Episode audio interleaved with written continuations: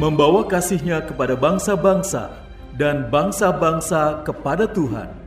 Melalui program Meaning of Life, terimalah salam dari kami untuk seluruh sahabat jangkar kehidupan.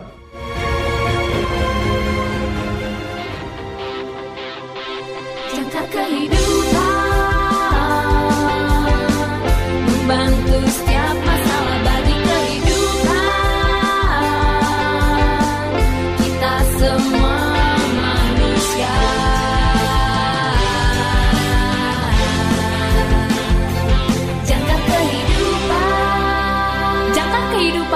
memberitakan kabar baik buat kita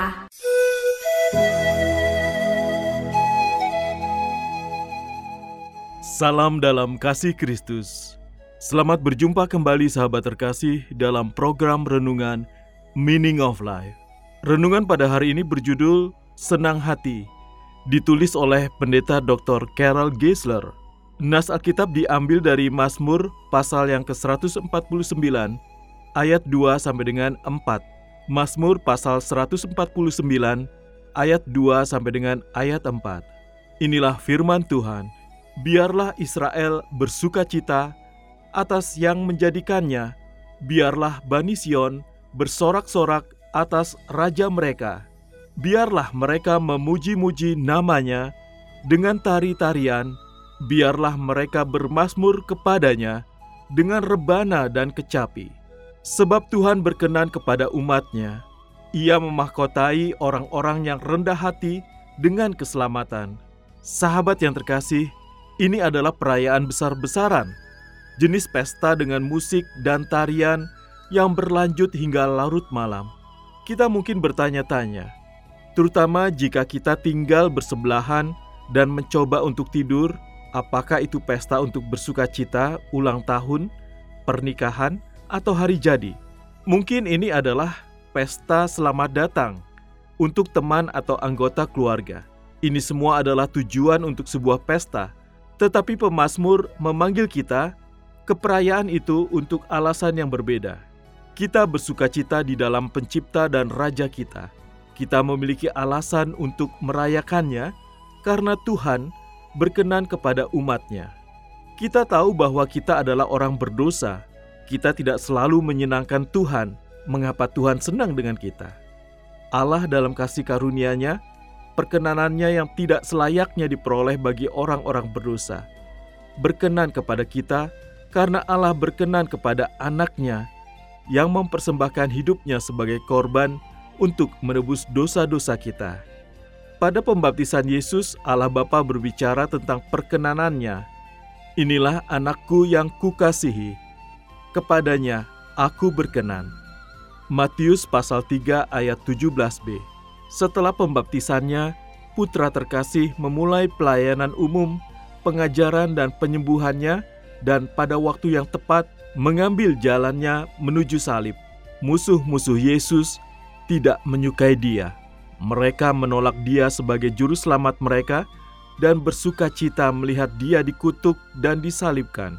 Saat juru selamat tergantung di kayu salib, musuh-musuhnya mengolok-olok ketaatan Yesus kepada Bapaknya dan mengolok-olok putra kesayangan Bapa dengan mengatakan, ia percaya kepada Allah, biarlah Allah membebaskan dia sekarang, jika ia menghendaki dia. Matius pasal 27 ayat 43a Allah tidak membebaskan anaknya yang terkasih, Yesus menderita dan mati bagi kita, sehingga melalui iman di dalam dia, kita akan dibebaskan dari dosa, kematian, dan kuasa setan. Sahabat yang terkasih, Tuhan berkenan kepada umatnya, menghiasi orang yang rendah hati dengan keselamatan. Kita tidak bisa berbuat apa-apa untuk menyelamatkan diri kita sendiri. Tidak ada perbuatan baik, tidak ada usaha kita sendiri yang bisa untuk membangun hubungan yang benar dengan Tuhan. Orang yang rendah hatilah yang dihiasi dengan keselamatan, yang digerakkan oleh Roh Kudus untuk bertobat dari dosa-dosa dan dengan rendah hati mengakui akan seorang juru selamat. Demi Yesus, Tuhan senang dengan kita. Dia mengampuni dosa-dosa kita dan berkenan kepada kita. Seolah-olah mendanani kita untuk pesta. dalam kebenaran Yesus anaknya. Kita mungkin memuji Tuhan dengan tarian dan rebana, tetapi bagaimanapun kita memilih untuk merayakannya, kita memiliki alasan untuk bersuka cita di dalam pencipta, Raja, dan Juru Selamat kita. Praise ye the Lord, the Almighty, the King of creation. O my soul,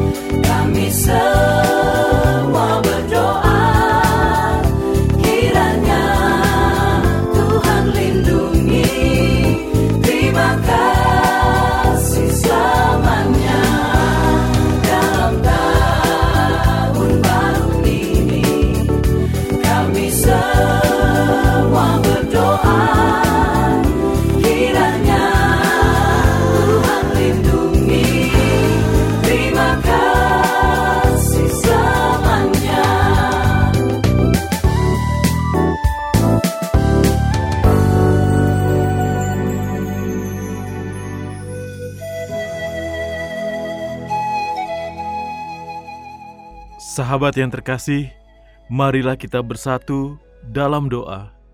Pencipta dan Rajaku, aku akan merayakan cinta dan belas kasihanmu selamanya. Amin. Terima kasih saudara sudah mendengarkan program Meaning of Life. Persembahan Yayasan Jangkar Kehidupan. Jika saudara membutuhkan dukungan doa, silakan hubungi kami. Yayasan Jangkar Kehidupan di nomor 0853 1056 8008 0853 1056 8008 Tuhan Yesus memberkati.